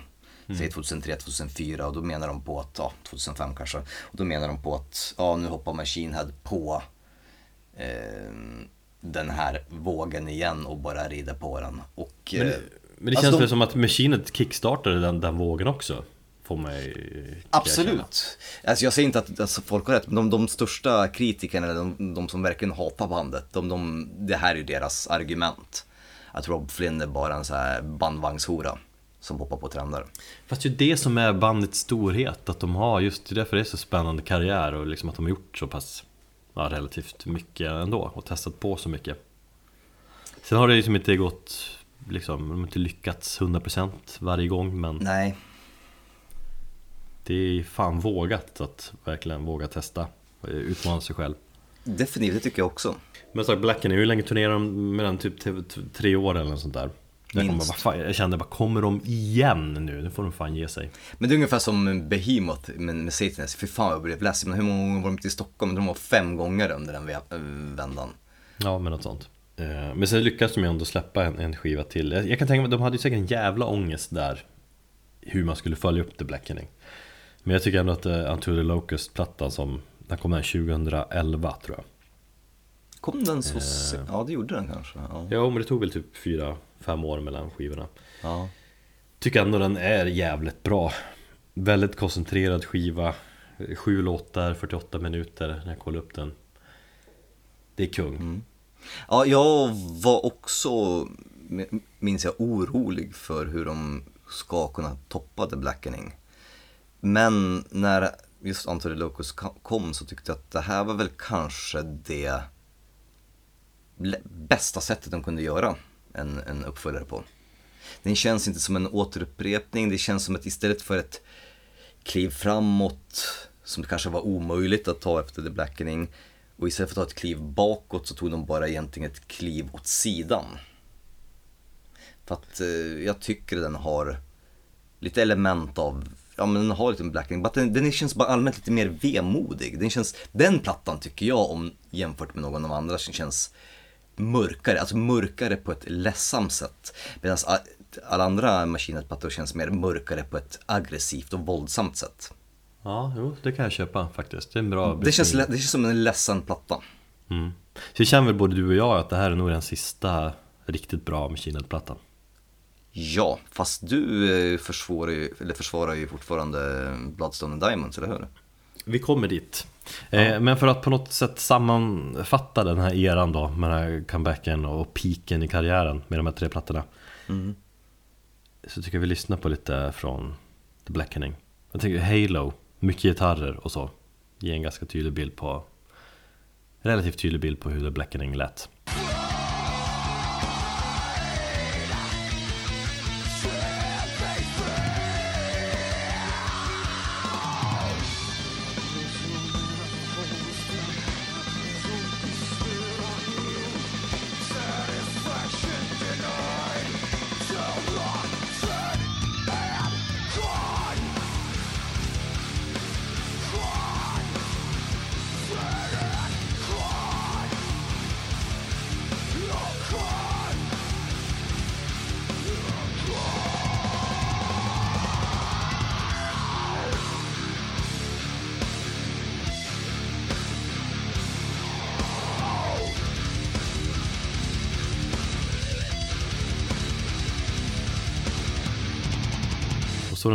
avslutande delen i bandets karriär. Jag har kallat den den spretiga eran och början på slutet? Ja, Frågetecken. Tycker jag låter ganska vettigt. För här blir det ändå en tydlig nedgång. Eh, Det börjar ju framförallt då med att Adam Juice slutar. Och det här var en väldigt hård tid För bandet, även det här Bandmedlemmarna har ju själva berättat att de har Ja men de var ju väldigt nära att, uh, att man hoppa av, eller bandet höll på att läggas ner flera gånger här Ja, de kände väl att Adam Hughes hade, var så som jag förstått det, så att han hade liksom, han, han har spelat med bandet i så många år med att han hade lagt av för redan länge sedan, att han bara, han gick bara till jobbet och gick hem liksom. Ja, Lite så. McLean, Dave McLean trummis gick ju fram till Rob Flynn efter sista spelningen på turnén, Locust-turnén där och sa att han, jag, jag kommer aldrig spela med Adam Juice igen Åh fan. Eh, och det var bråk, alla hotade att hoppa av och sen insåg väl de att ja, men problemet är ju Adam Juice. Så Ja, för de fick, var, de, både Phil Demmel, Rob och, och, och McLean kände att fan, vi, vi skiter i det här. Och de upplöste ju bandet där innan de insåg att fan, det är ju inte vi, vi tre som är problemet. utan det är Adam Hughes. Ja. Så han fick kicken och liksom, även om det, det sades sa först att han hade slutat typ men eh, Flynns version av det hela är väl att eh, Adam var Ja men som du säger, drog ner de andra i, i skiten Att han aldrig var, var nöjd och han, liksom, han var missnöjd hela tiden och fanns inte där mentalt. Mm.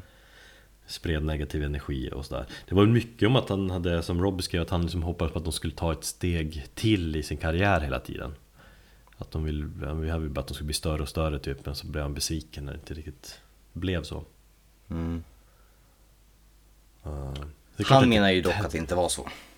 Ja, nej precis ja, Sen får väl ord stå mot ord Stämmer inte helt kanske Robs version heller kan jag tänka mig Nej, men i och med att han ändrade liksom sin variant där och skrev någonting annat, eller sin version där och skrev någonting annat. Men Adam Hughes menar ju på att han fick kicken ur bandet trots att han ville vara med. Och sen då att Rob Flynn då eh, hade snott åt sig mer pengar än vad som var avtalat inom bandet och alla skulle ha 25% och att Adam Hughes var, eh, att det är han som är upphovsmannen till, till loggan och bandnamnet och äger de rättigheterna men att Rob Flynn har snott dem av honom. Men de gjorde väl upp om det där eh, utanför out of court som man säger.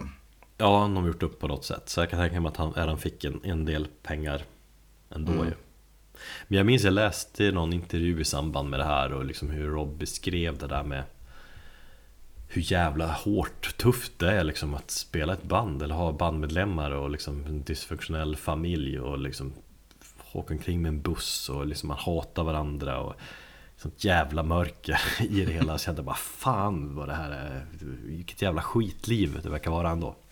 Ja, det är väldigt många band som jag, man får den känslan av ibland. Ja, men så kände jag då. Men, och, och det var Det var väl säkert nödvändigt såklart att han fick gå uppenbarligen Men det kändes ändå jävligt trist Det var- det är ändå han och Rob som bildade bandet och Det kändes som att Adam han var En del av bandets DNA på många sätt Mm.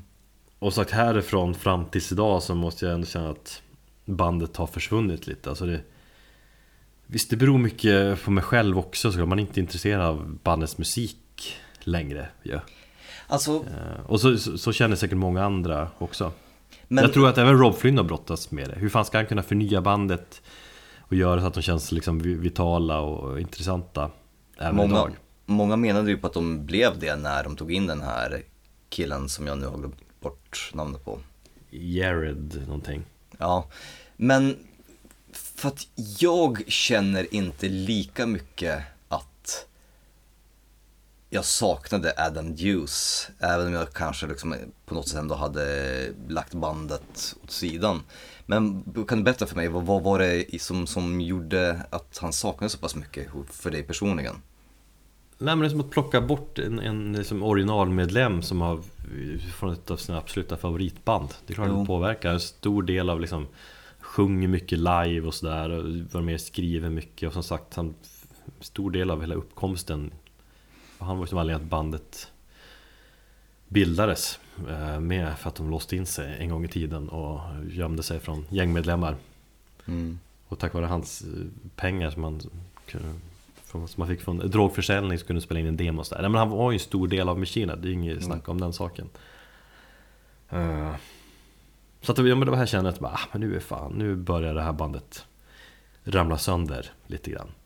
Eh, och som sagt, hur ska Rob Flynn ta det här vidare? Jag känner också de här åren från To the Locust och fram till idag, då känns det som att alla andra åren Fast så kanske det är allmänt med livet och allting Men de år- åren som har gått fram tills nu det är bara så här ah, vad- Noll brydd kring Head egentligen Ja. Och hur ska Rob Flynn som är 50 plus kunna ta konceptet vidare sådär? Det måste vara svårt som fan Och så även om, om plattan Bloodstone and Diamond som fan kom den då? 2014 tror jag Den innehåller Ja men jag tycker innehåller en hel del bra grejer Men den fan, är fortfarande för lång Men jävlar vad den var lång. Ja, den är så jävla lång. Och det, det, det misstaget har han ju gjort förut. Ja, han gjorde ju med Catharsis också. Ja. Det är någonting att han vill visa liksom. Men man kan inte hålla på så. Han måste döda lite eh, darlings och sådär. Precis. Nej men den, är- den innehåller bra men den är för för spretig och för lång. Samtidigt vill jag ge cred. Alltså det är väl det jag gillar till att han försöker. Det är inte så att han kör på samma grej. Han gör ju ändå nytt. Eh, Det tycker jag är hedervärt. Eh, Han blandar liksom ganska friskt tycker jag från hela hans karriär och det jag gillar med plattan att han liksom Det finns det nu metal-element i den eller?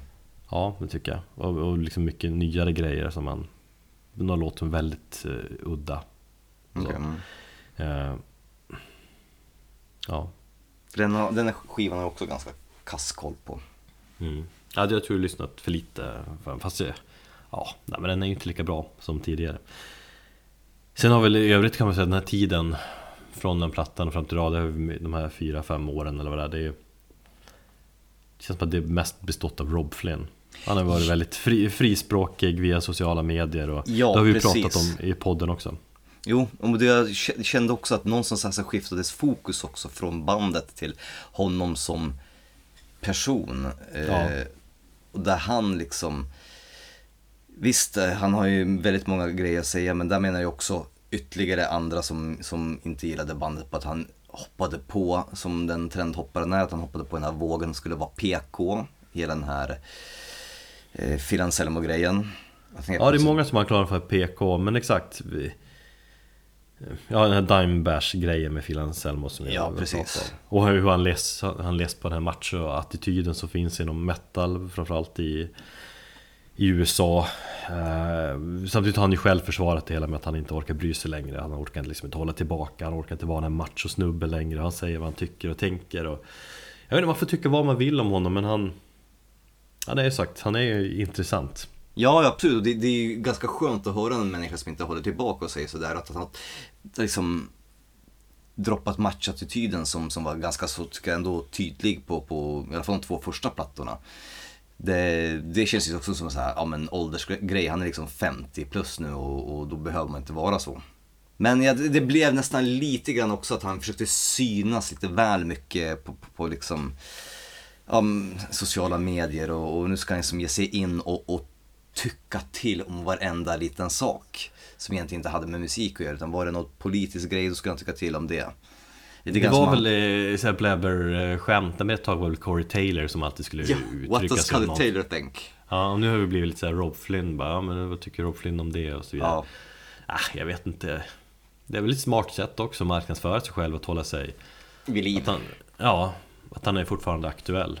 Och sen får folk snacka skit om honom eller vad han tycker. Och, jag tror mycket att han egentligen inte bryr sig. Jag tror jag menar mycket att han fan, han säger vad han tycker nu. Sen får det gå som det går. Men sen måste vi snacka om eh, senaste plattan också. Måste vi verkligen det? Ja, det måste vi. Vi har redan pratat om det ganska mycket. Ja, Shit stain on the ass of the universe. eh, nej, den är ju inte bra någonstans. Och den är alldeles den, är- för lång. den, den har fått kritik. Den är för lång och, och den är sagt Med all rätta så är den ju Den har fått mycket skit eh. Men den verkar, den ju den verkar ha sålt en del ändå. Den är inte så Ja. jävla dålig försäljning på den. Kollar man globalt så eh, Om man kollar på hur högt den har kommit på försäljningslistorna Så har det ju varit deras största succé någonsin Så pass? Så ja, vad jag läste, så någonting rätt har de kanske gjort Men sen går det ju kanske inte att jämföra med gamla tider Så det blir lite missvisande Ja, den kanske, ja, jo, det är sant. I och med att musikindustrin ser inte likadan ut Nej. nu för tiden som vet. Eh, Så kanske, eller så att liksom i staterna kanske den är poppis. Fast jag vet inte, jag såg något, något klipp nu från något gig de gjorde. Eh, jävligt litet ställe känns det och så känns allmänt ganska lite så här halvtrött. Mm. Eh, fast i staterna verkar det vara ett jävla hellhole att turnera mycket också. Men, men eh, samtidigt, den här turnersvängan som de hade i Europa, där fan det känns surt att missa den för den verkar ju vara grym ju. De hade inget förband och körde på liksom så här. Vi körde en night med maskinen, de körde tre timmar eller? Ja, Ah, fy fan, jag hade inte pallat. ja, Tre hade- timmar? var- Jo men på, på min mindre ställe, det hade ju fan varit kungen då. Om jag hade fått sitta ner. Då. Nej. Alltså det är det som är grejen, man har sett dem live också, det är verkligen ett band som Han är ju old school som fan på det viset att han hetsar circle pits och sånt där Så det blir Nej, när de kör igång vissa låtar och man bara fan nu måste jag ut och springa circle pits när de körde i Sydney så så- såg de på att köra på så här jävligt stort eh, mm, nöjesfält. Inomhus var det dock. Eh, jag vet inte vad kapaciteten var där men det kunde ha varit säkert över 10 000 i alla fall. Och då fanns eh, spelstället indelat i två, liksom, det fanns en balkong. Så att vi, vi stod ju först längst fram vid scenen, sen blev det lite för mycket folk så gick upp på balkongen. Och då under Aesthetics of Hate så drog eh, han igång två stycken circle pits som körde åt eh, motsatt håll. Den ena körde motsols, den andra körde medsols. Just, jag och min polare vi stod där uppe på balkongen och så såg vi det. Och det var så jävla mäktigt att bara se liksom, två virvelvindar där nedanför. Det finns ett klassiskt YouTube-klipp från Wembley när de var förband till Metallica. Ja, eh, Och så bara en enda jävla stor circle pit. Mm, det, här var, men det här var två, det var fan ännu mäktigare. Ja det är coolt. Och det finns inte så många band som förespråkar den, den delen på samma sätt längre Nej, det, det gör inte det. Är det kanske det sista stora arenabandet? Nej, de är ju inte ett arenaband Alltså mi- mindre arenaband, eller hur menar du? Ja, okej. Ja, och, pff, ja, jag vet inte.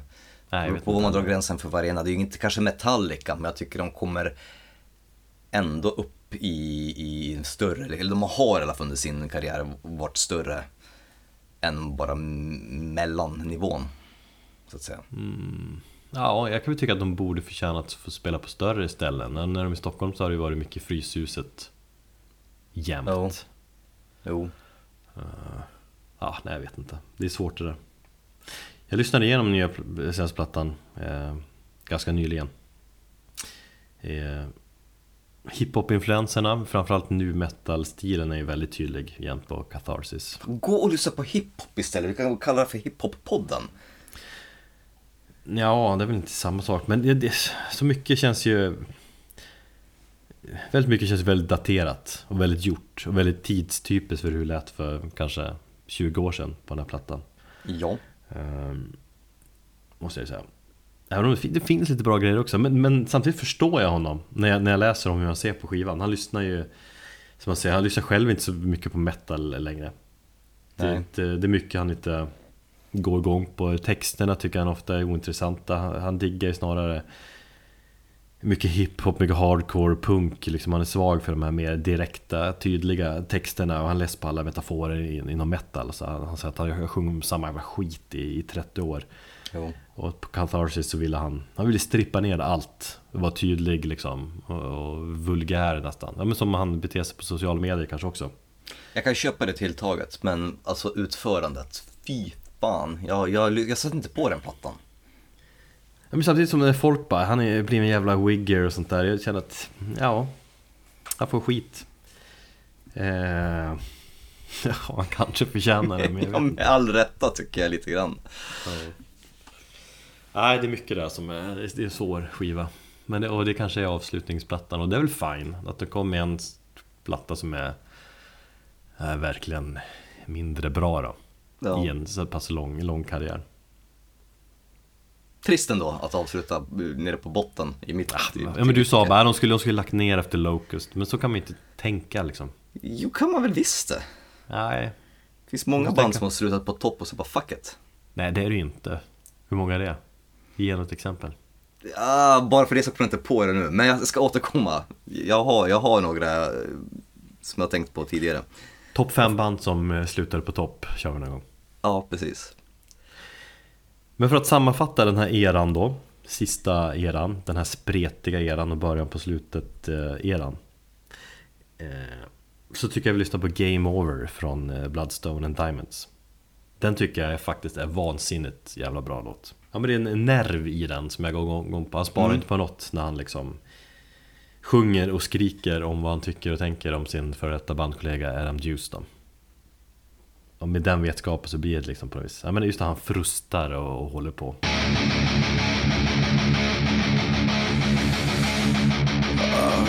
little lies. Little lies. I can hear when I hold you close to me. When I look in your eyes, I see through your disguise. What I see is an only lonely void. Cause you're drowning inside those fake tears that you cried as I claw my way from your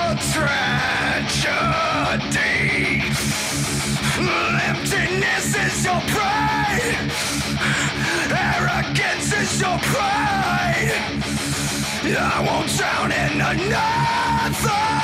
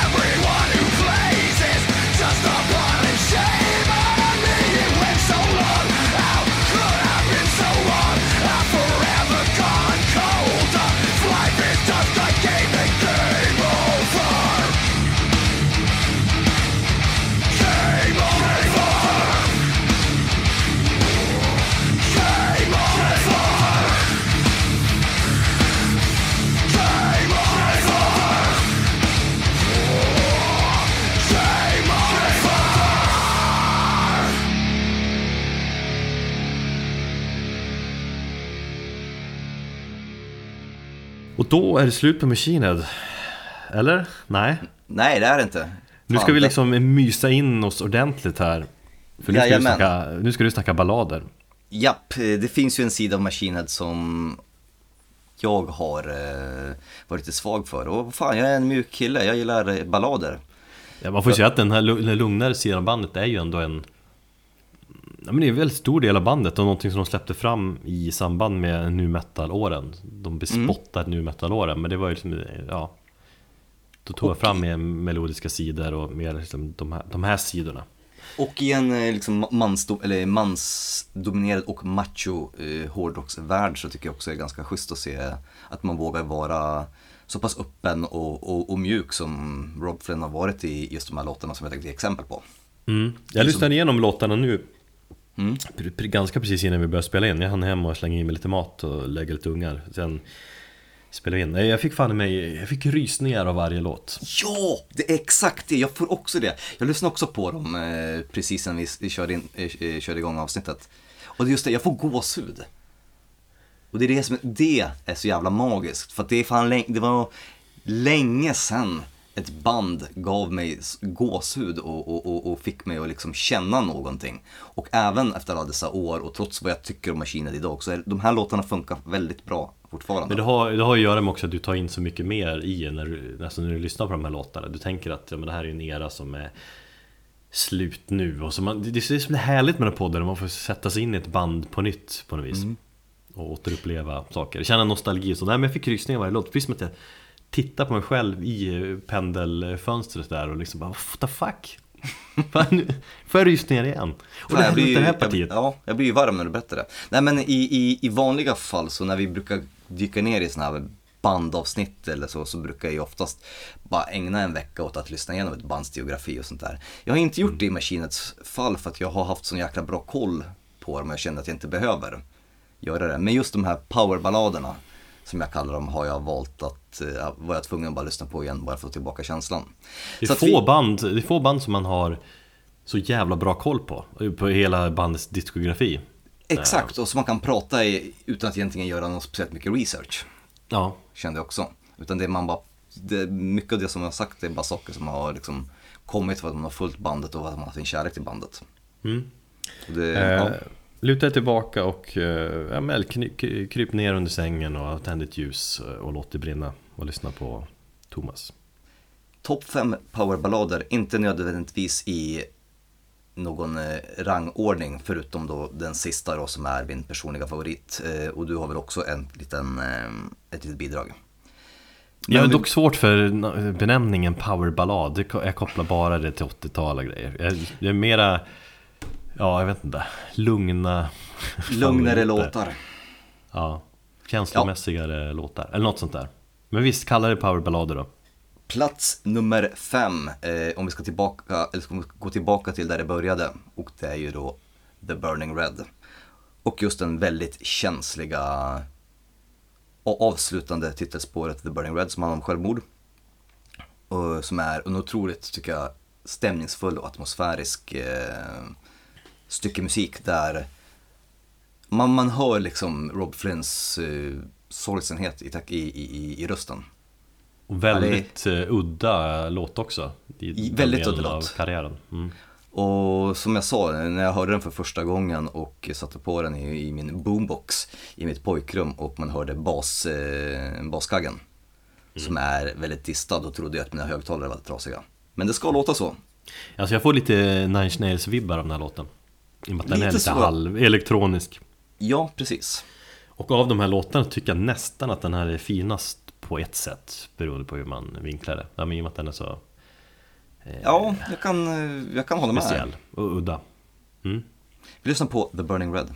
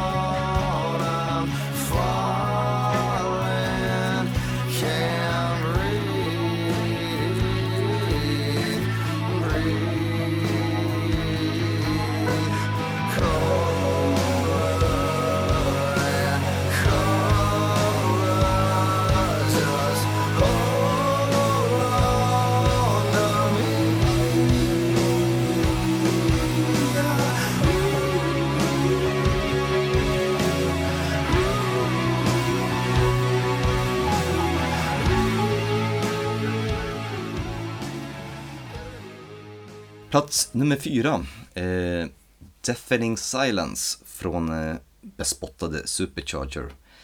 Ändå en låt med väldigt mycket känsla och kanske den eh, låten på, på skivan som jag håller eh, ganska så, så, så varmt i hjärtat. För att den handlar väldigt mycket om Rob Flynns osäkerhet eh, eh, som person. Och det jag, när jag hör den låten så, så ser jag verkligen lite grann hur han... Den är skriven som om han pratar med någon person som han har känslor för. En tjej eller så. Han säger så här, han, han sjunger in i någon rad att She says that I'm insecure, well I guess she's right. Nej, när du skrev typ, jag vill köra Heads powerballader eller någonting. Det bara var bara jävligt oväntat på det, men då tänkte jag direkt på den här låten. Eh, Och samtidigt så tänkte jag också, den låten kommer ju inte Thomas ta, för han hatar ju Head eh, Jag skrivit ner ett ord på den här, till den här låten, så skrev jag grät Ja. Vadå jag?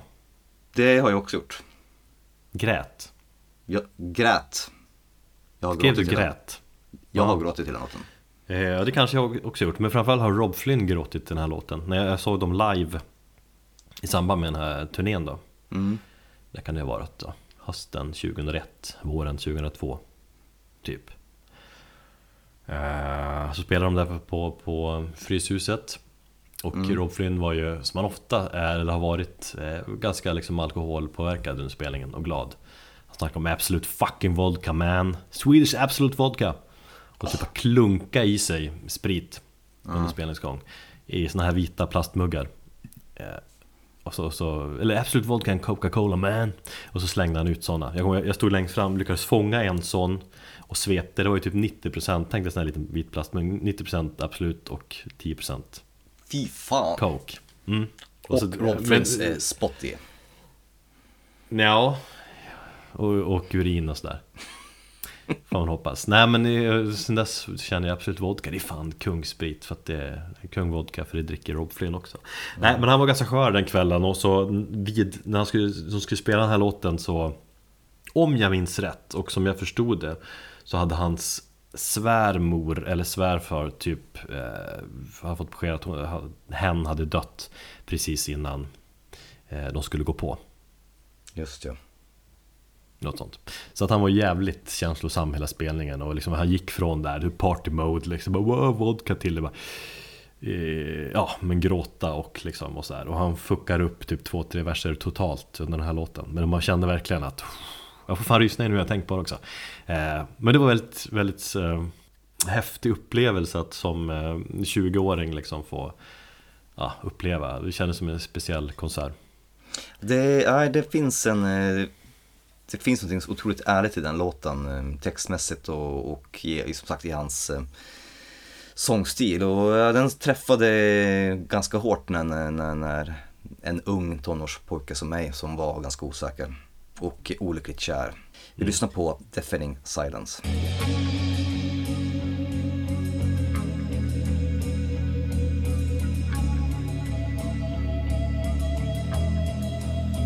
Well, she says that I'm insecure. I guess she's right. Cause just when I think I'm sure,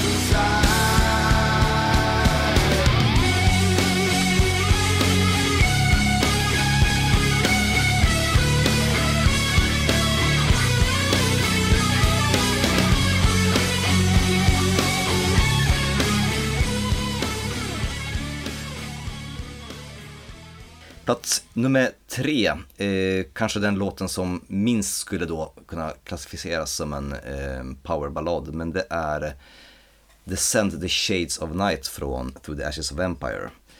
Eh, det är ju den avslutande låten, någon form av lite grann så här av ett outro. Den har ju ett väldigt lugnt parti, men den är, har ju också ett väldigt hårt parti också. Ja. Men det jag älskar i den här låten, det är hans wailande. Jag minns första gången jag hörde det, jag bara, vad i helvete är detta? Eh, det är efter refrängen eh, så börjar han waila och sen så mitt i liksom wailandet så bara märker man hur hans röst bara går och blir mer och mer aggressiv tills han börjar skrika. Han är så jävla förbannad och det är, ja, det är gåshud. Och sen så har den låten ett fantastiskt solo som också låter lite så här eh, ja, out of touch. Det låter nästan som att eh, gitarren är, är felstämd. Men jävligt vackert. Med, med jävligt vackert, absolut. Men det är en låt som, som skaver väldigt mycket för jag tycker den har väldigt konstig uppbyggnad.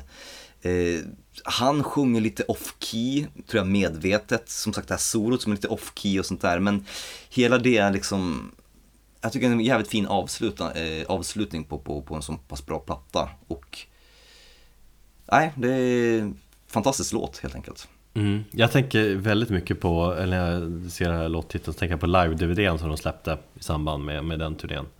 Ja, just det. Eh, från London där. Det- är så en jävla grym känsla när de spelar den här låten. Jag tror vi satt liksom på efterfesten och kollade in den många gånger. I slutet där när de sjunger det här Scream with Ja, just det, me. precis. Mm. Alltså, Scream with ble- bleed with me och sing with me eller vad de sjunger. Mm. Eh, i olika stämmor. Det är fint. Nej, bra låt. Bra val.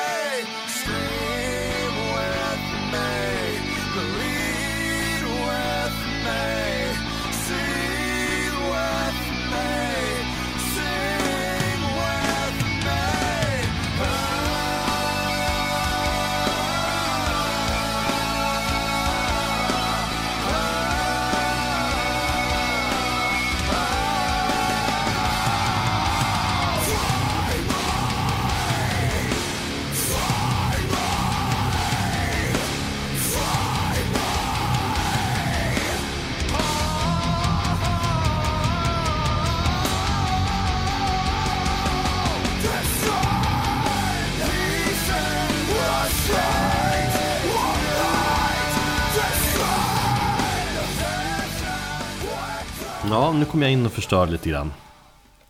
Nej då. På, på jävellånga Catharsis så finns ju en, eh, så sagt, lite spännande grejer ändå.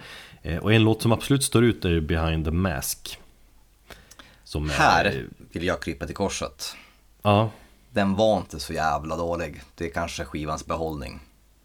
Det tar den emot säga gömmer sig väldigt långt bak på skivan. Ja. Typ Nej, men- spår.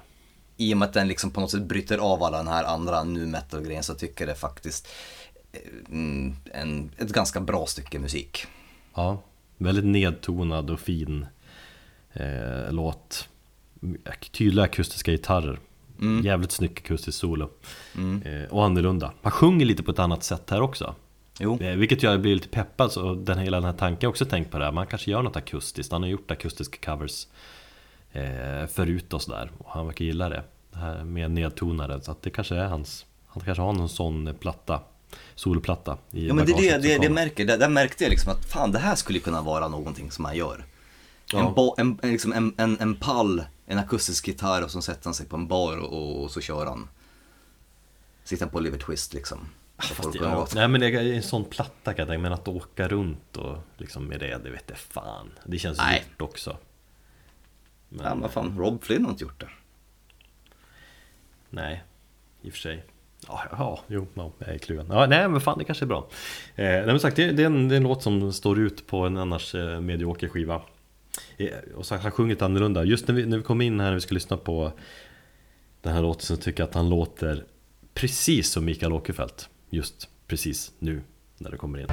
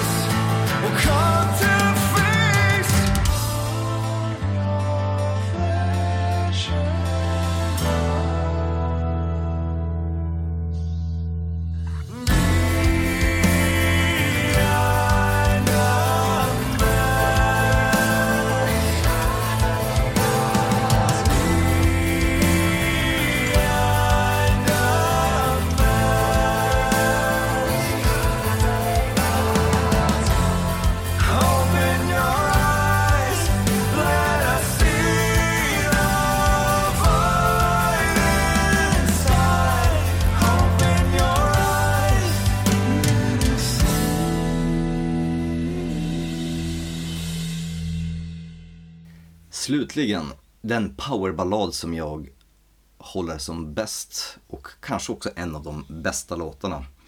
Ja, den är högt uppe där med eh, Davidian och Imperium. Eh, och det är Darkness Within från Unto the Locust.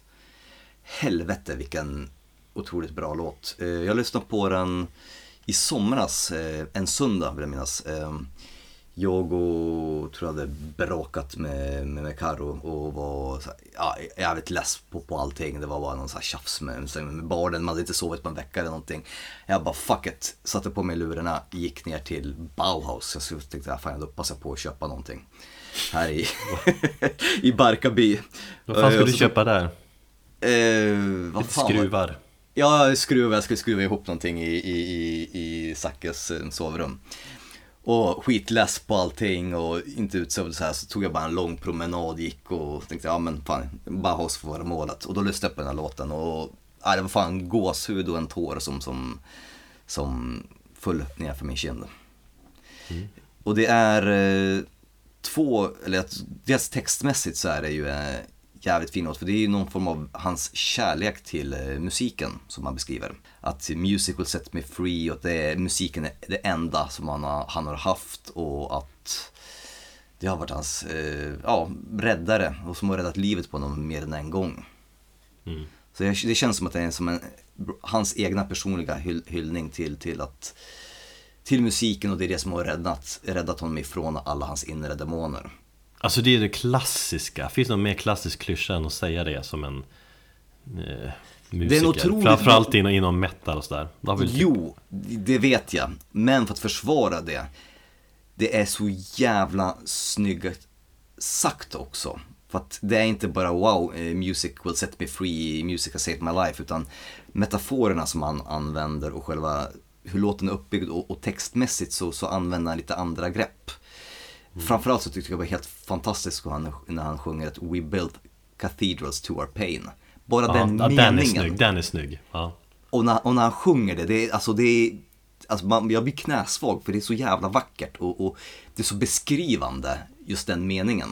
Nej, Jag säger att det är en klyscha att- snacka om det att musiken räddade mitt liv Men i Rob Flints fall och, och liksom man vet hans bakgrund och eh, Ja, hur, hur liksom instabil han har varit i psyket Ja, och då Lång tid av hans karriär så känns det mer liksom eh, trovärdigt man, man köper det på ett annat sätt Ja, precis. Och nej, jag, som sagt, bland deras eh, mjukare spår så, så håller jag den här eh, absolut eh, högst. Framförallt det som har plågat han mest eh, är ju nästan att han är adopterad Att hans riktiga föräldrar lämnade bort honom. Det har ju liksom han haft, det har ju påverkat hans självförtroende väldigt liksom.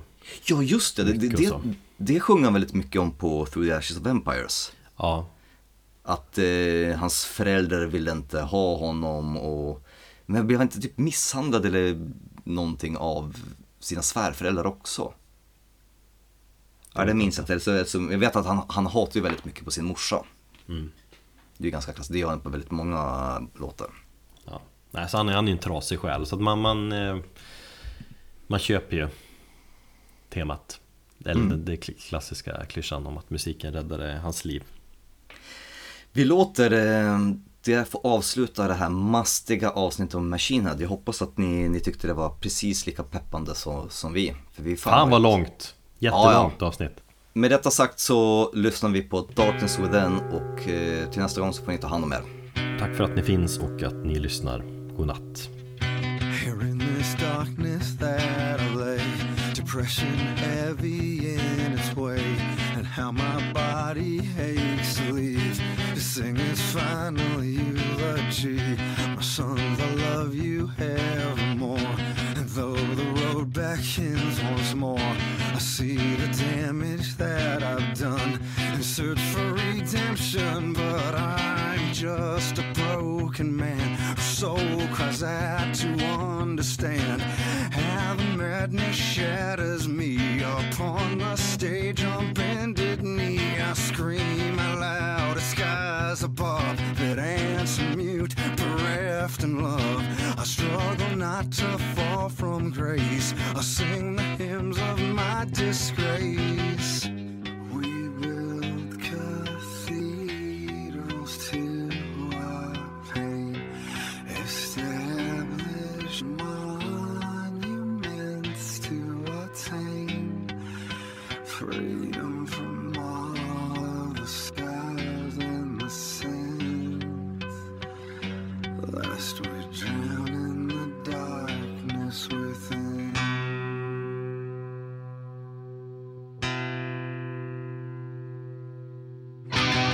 Mysteries, forgotten chords I strum in vain to please the Lord, but He has never answered me.